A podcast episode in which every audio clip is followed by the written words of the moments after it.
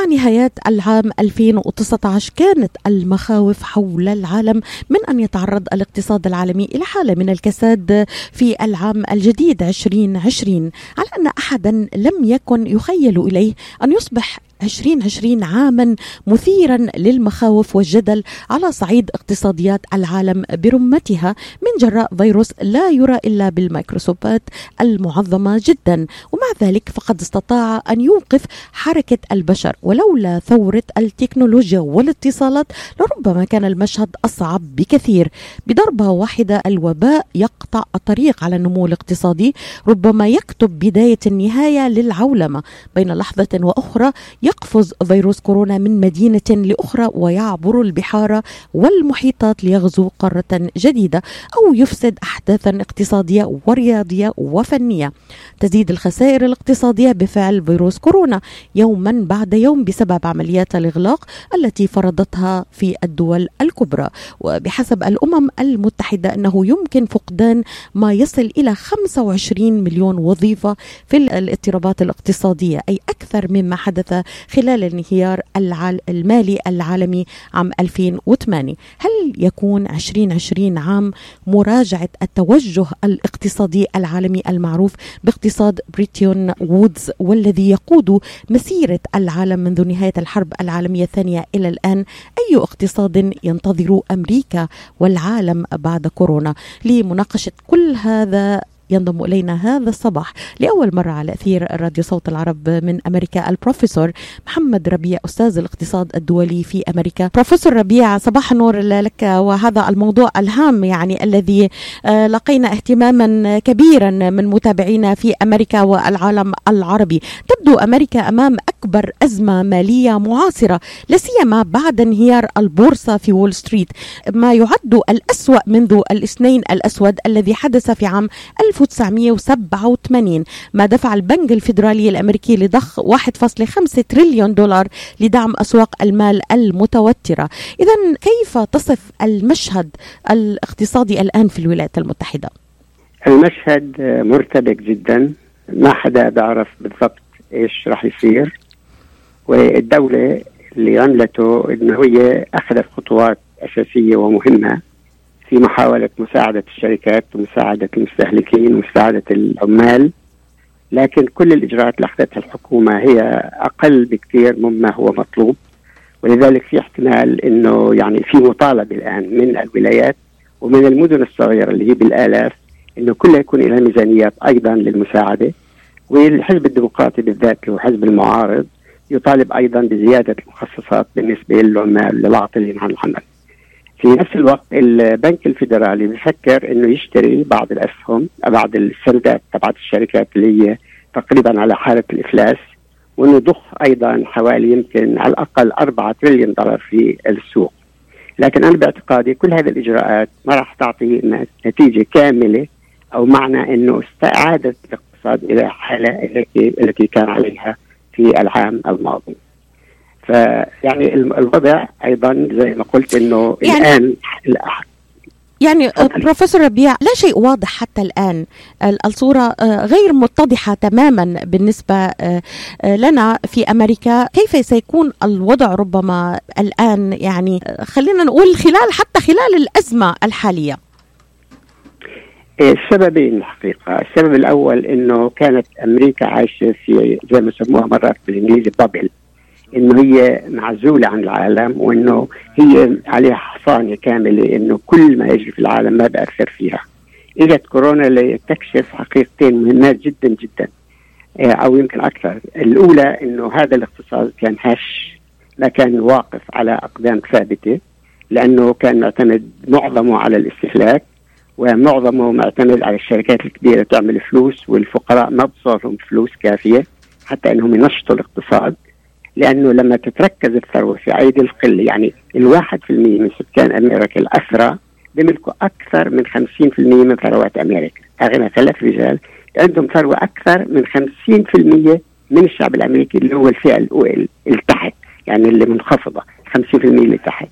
فبالتالي لما يكون هذا توزيع الثروة الثروة ما بتوصل للناس ولما ما بتوصل للناس ما في استهلاك يعني ما عندهم فلوس الاستهلاك في أمريكا يمثل 70% من حجم الاقتصاد الأمريكي. معنى ذلك إذا ما في استهلاك ما في نمو في الاقتصاد. هذه الهشاشة الأولى. النقطة الثانية أنه كانت الدولة غير مستعدة لأي آه، مفاجأة ممكنة. لا مستعدة لكورونا ولا مستعدة للضربات الاقتصادية اللي ممكن تحصل زي ما صار الان اهتز بسوق البترول واهتز السوق ربما المالي بروفيسور ربيع يعني يتساءل البعض هل يعقل أن أكبر دولة في العالم اقتصاديا لم تكن مستعدة أو لم تكن مدركة؟ ربما أن أزمة واحدة قد تهز اقتصادها يعني لنا في التاريخ عبرة دكتور ربيع. اللي في ناس تتعلم من العبر في ناس ما بتتعلم. النظام الأمريكي ما بيتعلم لسبب بسيط جدا. إنه التغيير فيه مستمر بشكل كبير جدا. إنه أنت عندك كل سنتين في انتخابات جديدة. كل انتخابات يعني الشعب الأمريكي مشغول بعملية الانتخابات. أنا بتكلمش الآن عن الانتخابات المحلية لأنه بتكلم فقط عن الانتخابات الفيدرالية. لأنه كل سنتين بدنا كونغرس جديد وبدنا آه ثلث الأعضاء اللي تبع السنة. وبعدين كل أربع سنين بدنا رئيس جديد. وبعدين في تمحور عقائدي رهيب في أمريكا. هذا التمحور العقائدي بعطي لك وجهتين نظر مختلفات. يعني ما فيش إمكانية الوصول لحلول وسط هذا توقف عملية الحلول الوسط والتعاون منذ أن جاء بوش إلى الحكم واستمر وتصاعد في زمن أوباما وإجا الرئيس آه، ترامب الحقيقة اللي هو ما عنده أي خطة لأي شيء. كل يوم بغير رأيه كل يوم بقول شغلة مختلفة. إذا ما في خطة ما في استراتيجية وبالتالي عملية التمحور السياسي المستمرة والتغير المستمر في النظام هذا بخلى إنه في قلق وما فيش خطة طويلة الامد أي اقتصاد ينتظر الأمريكا؟ يعني هل التركيز على أيهما أكثر ضررا؟ فتح الإغلاق أم خطر كورونا؟ ماذا تعتقد بروفيسور ربيع؟ يعني يا ستي اولا السؤال آه، كان لازم نحط بشكل شوي مختلف. من هو الأهم هو الاقتصاد ولا الشعب؟ الناس هذا هو هذا هو الديبيت دو يعني دكتور ربيع نعم. هذا هو ال debate الحاصل في أمريكا.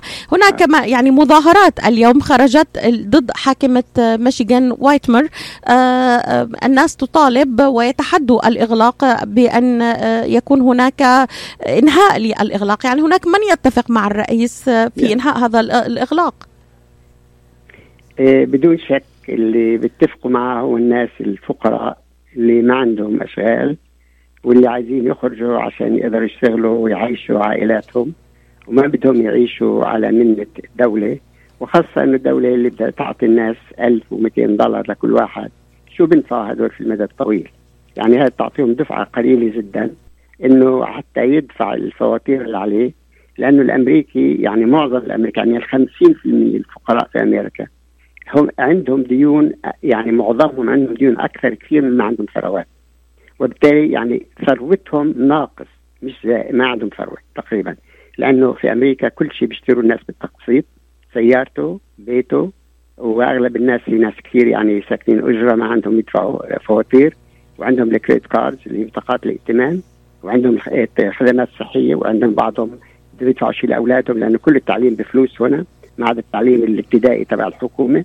فاللي حاصل أو التعليم الثانوي ككل فبالتالي في أقساط كثيرة عند الناس اللي عايزين يدفعوا عايزين يخرجوا عشان يشتغلوا ويتنفسوا كمان فأنا لا أستغرب هذا وفي أماكن أخرى الواقع الناس ملتزمة لأنه خايفة من الكورونا وخايفة من المرض فالوجهتين النظر موجودة لكن القرار لدى المسؤول مين اللي يحطه بالأول؟ هل يحط الاقتصاد في الأول أو يحط الشعب في الأول؟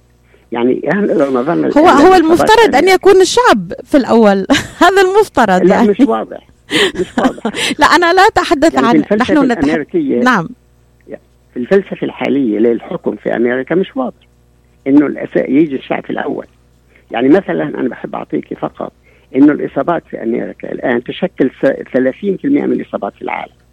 اثنين نسبة الناس اللي فحصوهم في أمريكا الآن ما بزيدوش بيقلوا عن 3 مليون من 330 مليون أمريكي. فبالتالي النسبة قليلة جدا جدا. يعني آخر شيء أنا سمعته من حاكم ولاية نيو جيرسي بيتكلموا اللي قبل ثلاث أيام فقط قالوا ان الناس اللي عم بيعملوا لهم فحوصات يعني اختبارات على الكورونا 40% they check positive يعني 40% عندهم المرض. فأنت لما تتكلمي لو أمريكا تتوسع كما توسعت كل الدول الأخرى في عمليات الفحص راح يكون عندها نسبة ممكن إنه أمريكا تكون عندها نسبة. نعم. ف... دكتور. فاللي حاصل إنه ما في الحقيقة معرفة كافية في أمريكا. حتى نعرف شو هي النسبة الحقيقية في أمريكا نسبة الناس المصابين. مش عارفين.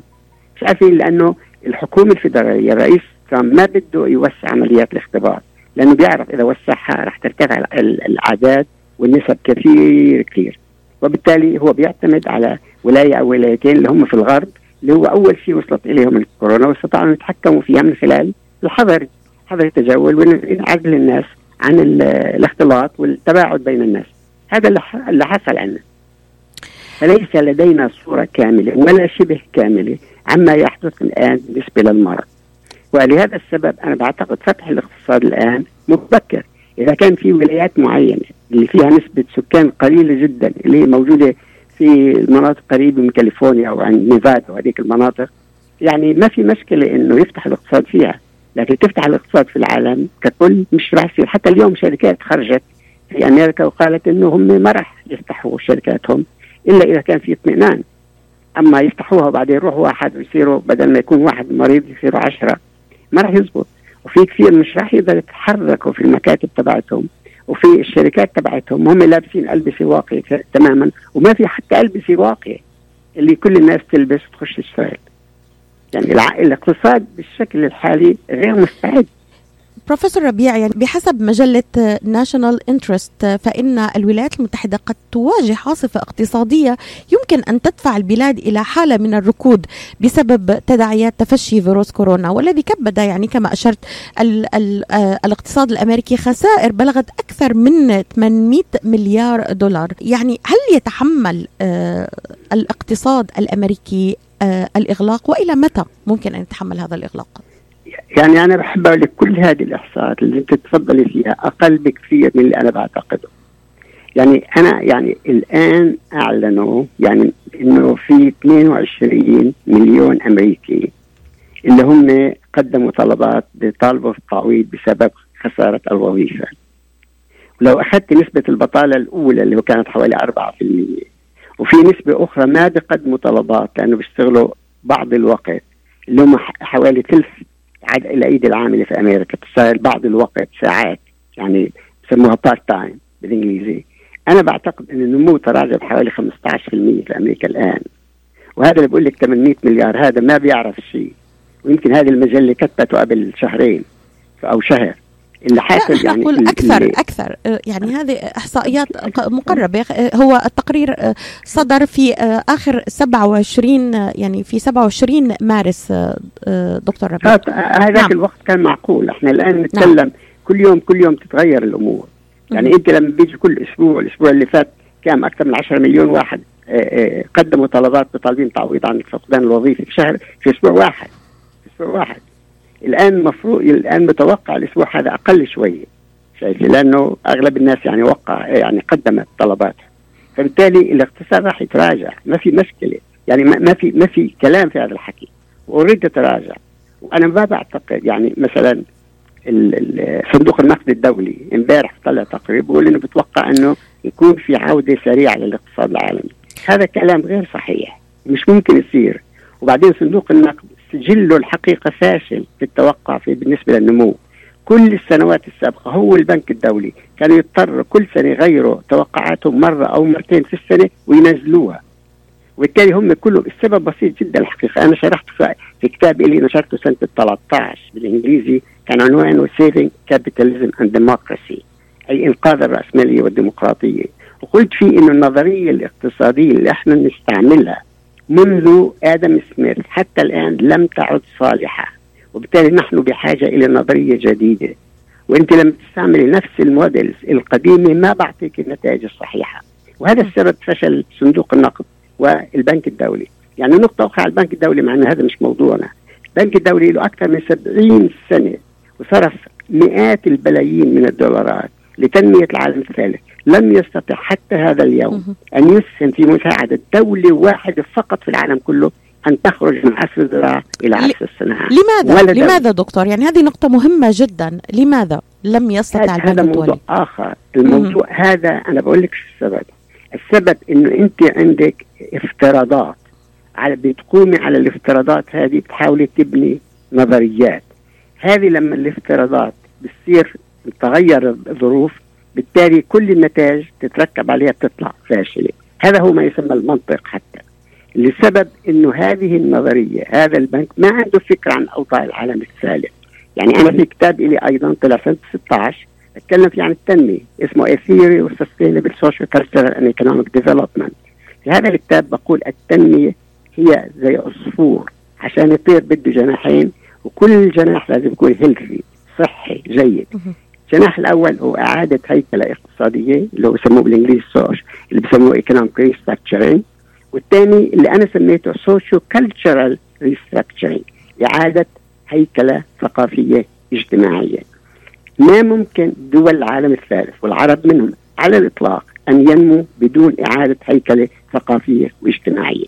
إما كل خطط التنمية في كل الدول العربية فشلت ما فيش ولا واحدة نجحت لا في العراق أيام صدام ولا نجحت في أيام عبد الناصر ولا نجحت في في أيام برقيبه ولا نجحت في أي مكان ولا الأردن ولا ولا ولا حتى الكويت اللي هي ثريه جدا.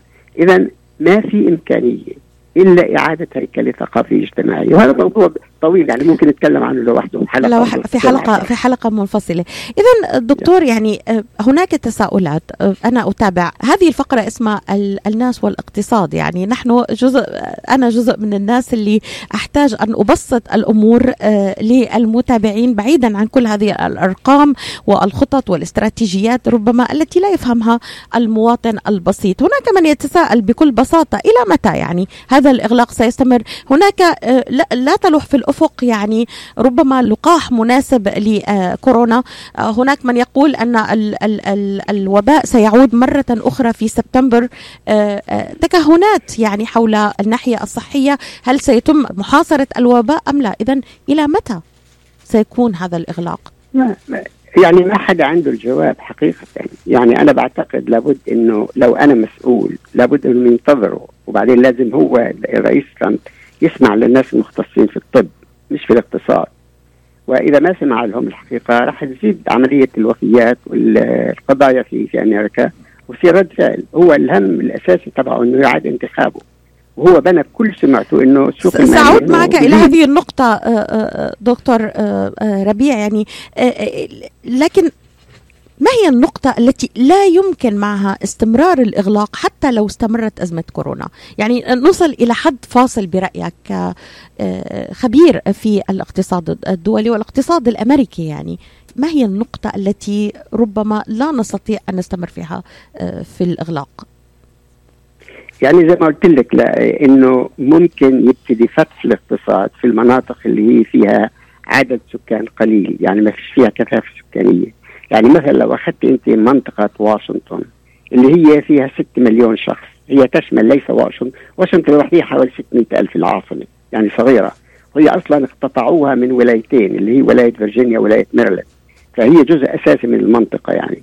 وبعدين حتى آه، فيرجينيا أخذت الحصة تبعتها لأن ما يسمى واشنطن هي قطعت من ولاية ميرلاند فهذه المنطقة لو أخذت ميرلاند وفيرجينيا وواشنطن عندنا حوالي 6 مليون شخص. هذه الكثافة السكانية فيها عالية جدا وبالتالي من الصعب إنك تفتح الاقتصاد فيها.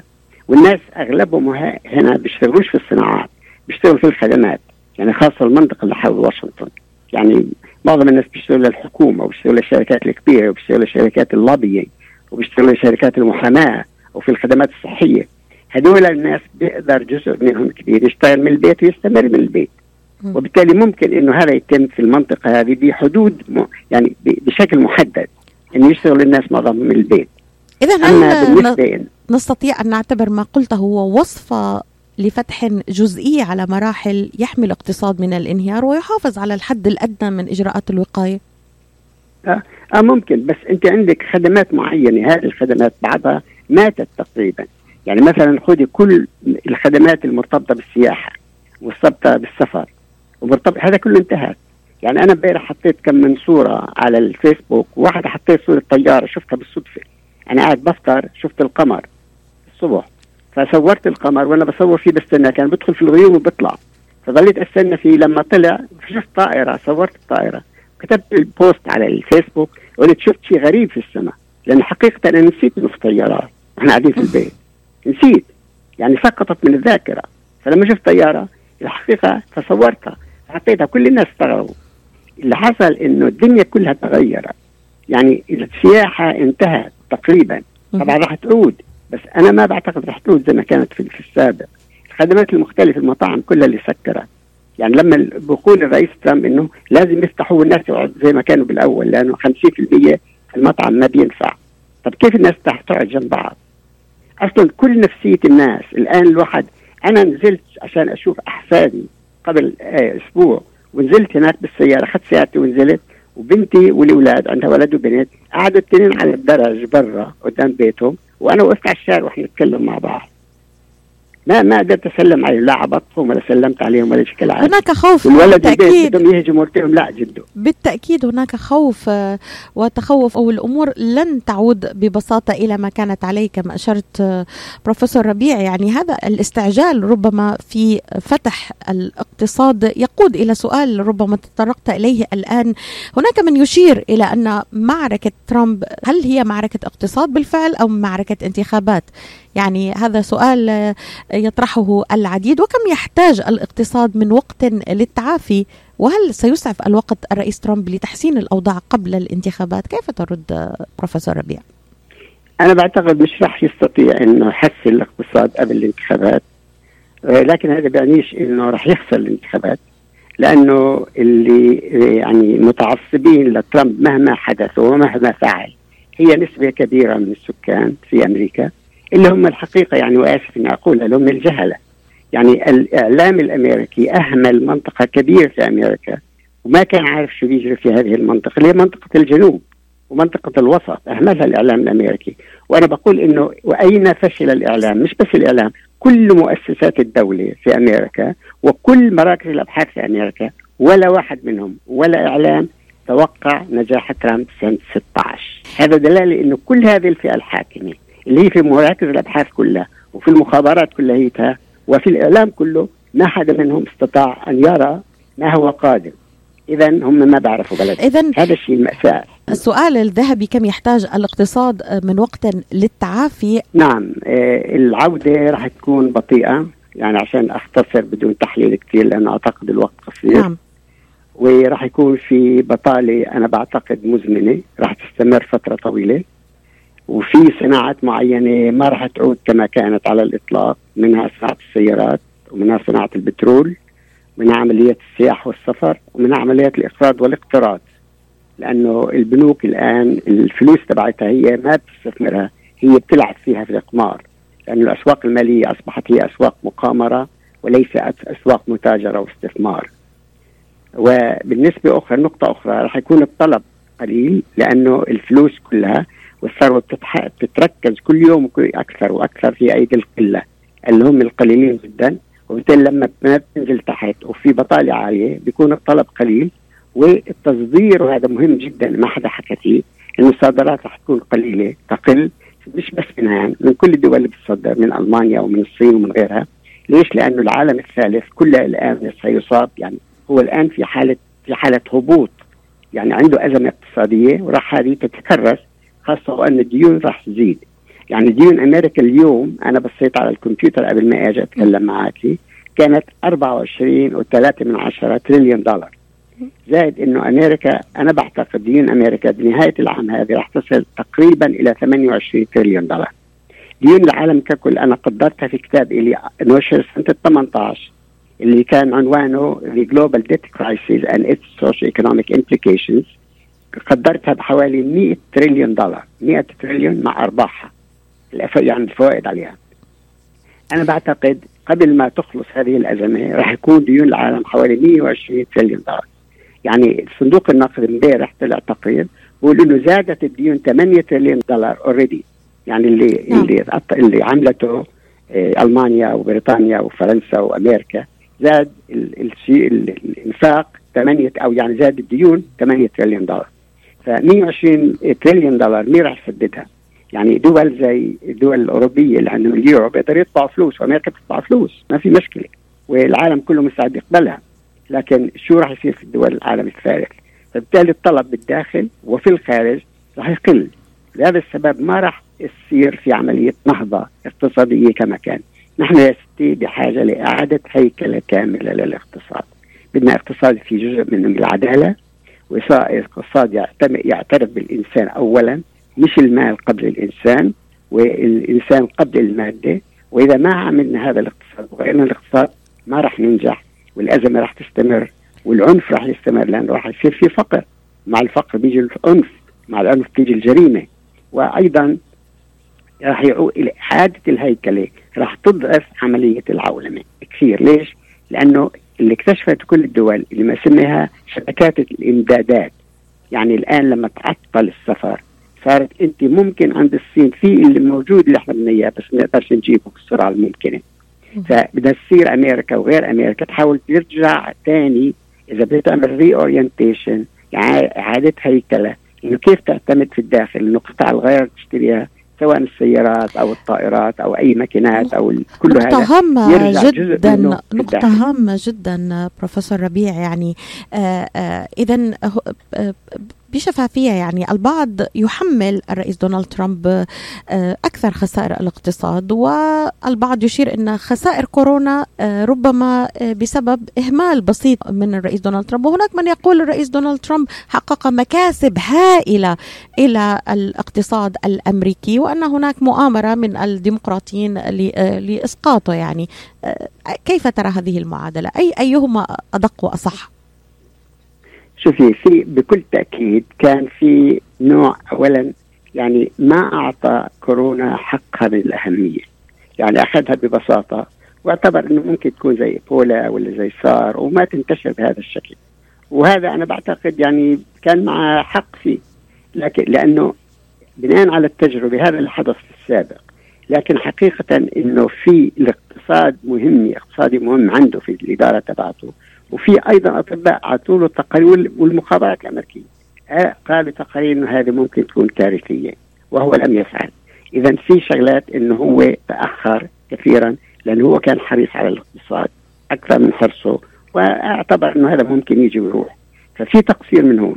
بس أيضا المؤسسة الأمريكية ما كانت مستعدة ما كانت مستعدة اطلاقا لا لهذه ولا لغيره. حتى الآن إحنا ما عندنا لا أجهزة كافية حتى إنه يعني يعمل اختبارات على الناس ولا في اللي بيحطوهم بال intensive care unit في الغرف المركزه العناية المركزة.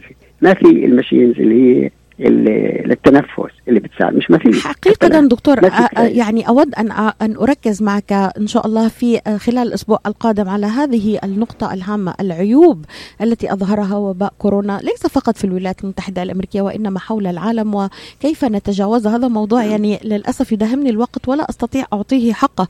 لكن لدي سؤال ربما في الوقت المتبقي حضرتك ممكن تجيب عليه. يعني كيف يستطيع الرئيس دونالد ترامب إحداث تحسن سريع في الاقتصاد؟ هل سيعتمد على إجراءات اقتصادية داخلية أم سيلجأ لحلول خارجية برأيك؟ هل حزمة التحفيز التي أرسلت الشيكات إلى المواطنين الأمريكيين وطبعا شاهدنا أن هناك دعم حكومي وفيدرالي للموظفين الذين خرجوا من أعمالهم. هذه الفرحة المؤقتة هل ستساهم حقيقة في تحسن الاقتصاد؟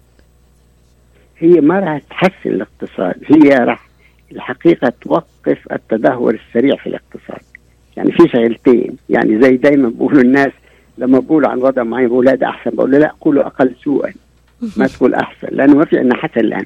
أنا لا أعتقد في شيء حسن في العالم بيجري مع كل اسف يعني إحنا نحاول أن نقلل ما هو سيء سواء عنا أو في أي دولة في العالم كله حتى الصين. يعني مشاكلنا الآن إنه الكل عنده وضع سيء فأنت بتحاول تخففي من عملية الانحدار أو الانهيار أو التراجع بلاش أسمي كلمة الانهيار لأنه التراجع. فهذا الحقيقة راح يصير. لكن إحنا في وضع العالم كله في أزمة كبيرة. لابد من اعاده هيكل يعني مثلا حتى سنة 2008 لما صارت الأزمة اجتمعت كل دول العالم أو يعني ال 20 دولة الكبرى واتفقوا على خطة معينة وواجهوا أزمة 2008 الآن بسبب اللي عمله رئيس ترامب إنه عمل حرب تجارية اولا على المكسيك وعلى كندا وبعدين على الصين وبعدين على غيرها وعلى أوروبا وألمانيا واستيراد الحديد فالحقيقة ما حصل أي اجتماع ولا دعوة لاجتماع حتى الآن. نجتمع نشوف كيف ممكن نعالج هذا الموضوع بشكل عام. اذا العملية في نقطة مهمة أخرى يعني هناك من يرى أن الرئيس دونالد ترامب محق فيها يعني كان هناك إشحاف في الشراكات مع الصين ومع الدول الأخرى لصالح هذه الدول وهذه نقطة مهمة أود أن أعود بها معك بروفيسور ربيع. لكن في يعني دقيقتين أو ثلاث ما هي الإجراءات الاقتصادية الداخلية التي يمكن أن يلجأ لها الرئيس دونالد ترامب لوقف التدهور، لا نريد أن نقول انهيار كما اشرت لكن التدهور، ما هي برأيك أهم الإجراءات الاقتصادية غير التحفيز حزمة التحفيز التي أرسلها إلى آه، المواطنين في أمريكا؟ يعني بده يصير لازم يكون في تحفيز أكثر. هذه النقطة وهو مش تحفيز بشيء بس مرة ثانية. لوقف عملية التراجع والنقطة الأخرى الحقيقة أنه يفتح في أماكن اللي ممكن ينفتح فيها وبده يزيد عملية الإنفاق وبده يعمل عملية تكيف بالنسبة بالاتجاه اللي هو غا يعني ضد رغبته إنه كيف ممكن يكون في جزء من العدالة. يعني عندما لما تحتكر حوالي عشر شركات عالمية عملية الطب والأدوية وبعدين ما كان هذه الشركة ما حطت فلوس في الأبحاث حتى تكون هي حاضرة أيضا لهيك زمان لأنه هذا ما بتعطيها فلوس إلا غير لما يصير في أزمة. وبالتالي كل شيء تأخر. هذا كله من مشاكل الاحتكار اللي صارت في العالم إنه تركز العمليات هذه في ايدي القلة. وبالتالي كل صار الاقتصاد العالمي كله متركز على بعض الشركات وهي تم مزاجها. يعني في نقطة ثانية مهمة جدا جدا في أمريكا إنه كل الاتصالات اللي هي الشركات الكبرى في أمريكا اللي هي ثلاث شركات تقريبا تحتكر كل الاتصالات كل الأعمدة اللي حطها هي في أراضي حكومة. مع كل هذا في جزء كبير من الشعب الأمريكي لا عنده إنترنت ولا عنده كمبيوتر فقراء. هذول الناس راحت عليهم الاطفال راحت عليهم سنة كاملة. هذا لا يجوز. هذا ضد العدل ضد الشعب ضد الاطفال ضد الأطفال كل الأجيال القادمة. هذا نظام ظالم النظام الحالي. والناس بيقول لك هذا راسماليه هذا مش راسماليه هذا اسمه السوق الحر. هذا السوق الحر هو الذي سبب الكثير من المشاكل الحالية الآن. التمحور اللي داخل أمريكا العقائدي بين الديمقراطيين والجمهوريين. طبعا الديمقراطيين بدهم يربح الانتخابات ونفس الشيء الجمهوريين بدهم يربح الانتخابات. في تمحور عقائدي فيش إمكانية للتفاهم الآن بينهم. هذه مشاكل كلها ما ممكن يمشي الاقتصاد ولا الدولة ولا العالم كله بهذا الشكل. وأمريكا ما عادت immune يعني ما عندها ال immunity ما عندها المناعة ضد العالم كله. الآن تأثرت بهذه الكورونا أثر كبير جدا. هل سيغير العقلية؟ أنا لا أعتقد. لا أعتقد. يعني لو لو ساندرز اجى كان ممكن يبتدي في عمليه تغيير لكن إذا اجى يعني ترامب ولا اجى بايدن ما راح يتغير كثير. يعني بايدن في عنده ترقيع صغير بسيط هون هون بس يعني شو اللي عمله أوباما؟ ولا شيء ولا شيء عمل أوباما. هو أوباما كان caretaker يعني نسب الاقتصاد زي ما كان وفكان في شوية security وفي شوية يعني أمن وشوية كذا. لكن هو كان أيضا السبب في التمحور لأنه كان دائما يهاجم ال Republicans الجمهوريين وبالتالي ما استطاع أن يعمل أي شيء حقيقي في أمريكا. بروفيسور بروفيسور محمد ربيع أستاذ الاقتصاد الدولي في أمريكا أشكرك جزيل الشكر حول هذه النقاط الهامة التي أثرتها اليوم والتي نعود آه، لها بالتفصيل إن شاء الله واستكمالا لموضوعنا اليوم. أي اقتصاد ينتظر أمريكا والعالم بعد كورونا؟ شكرا لك على هذه الإضاءة وأشكر كل متابعي راديو صوت العرب من أمريكا هذه ليلى الحسيني. تحييكم. إلى اللقاء.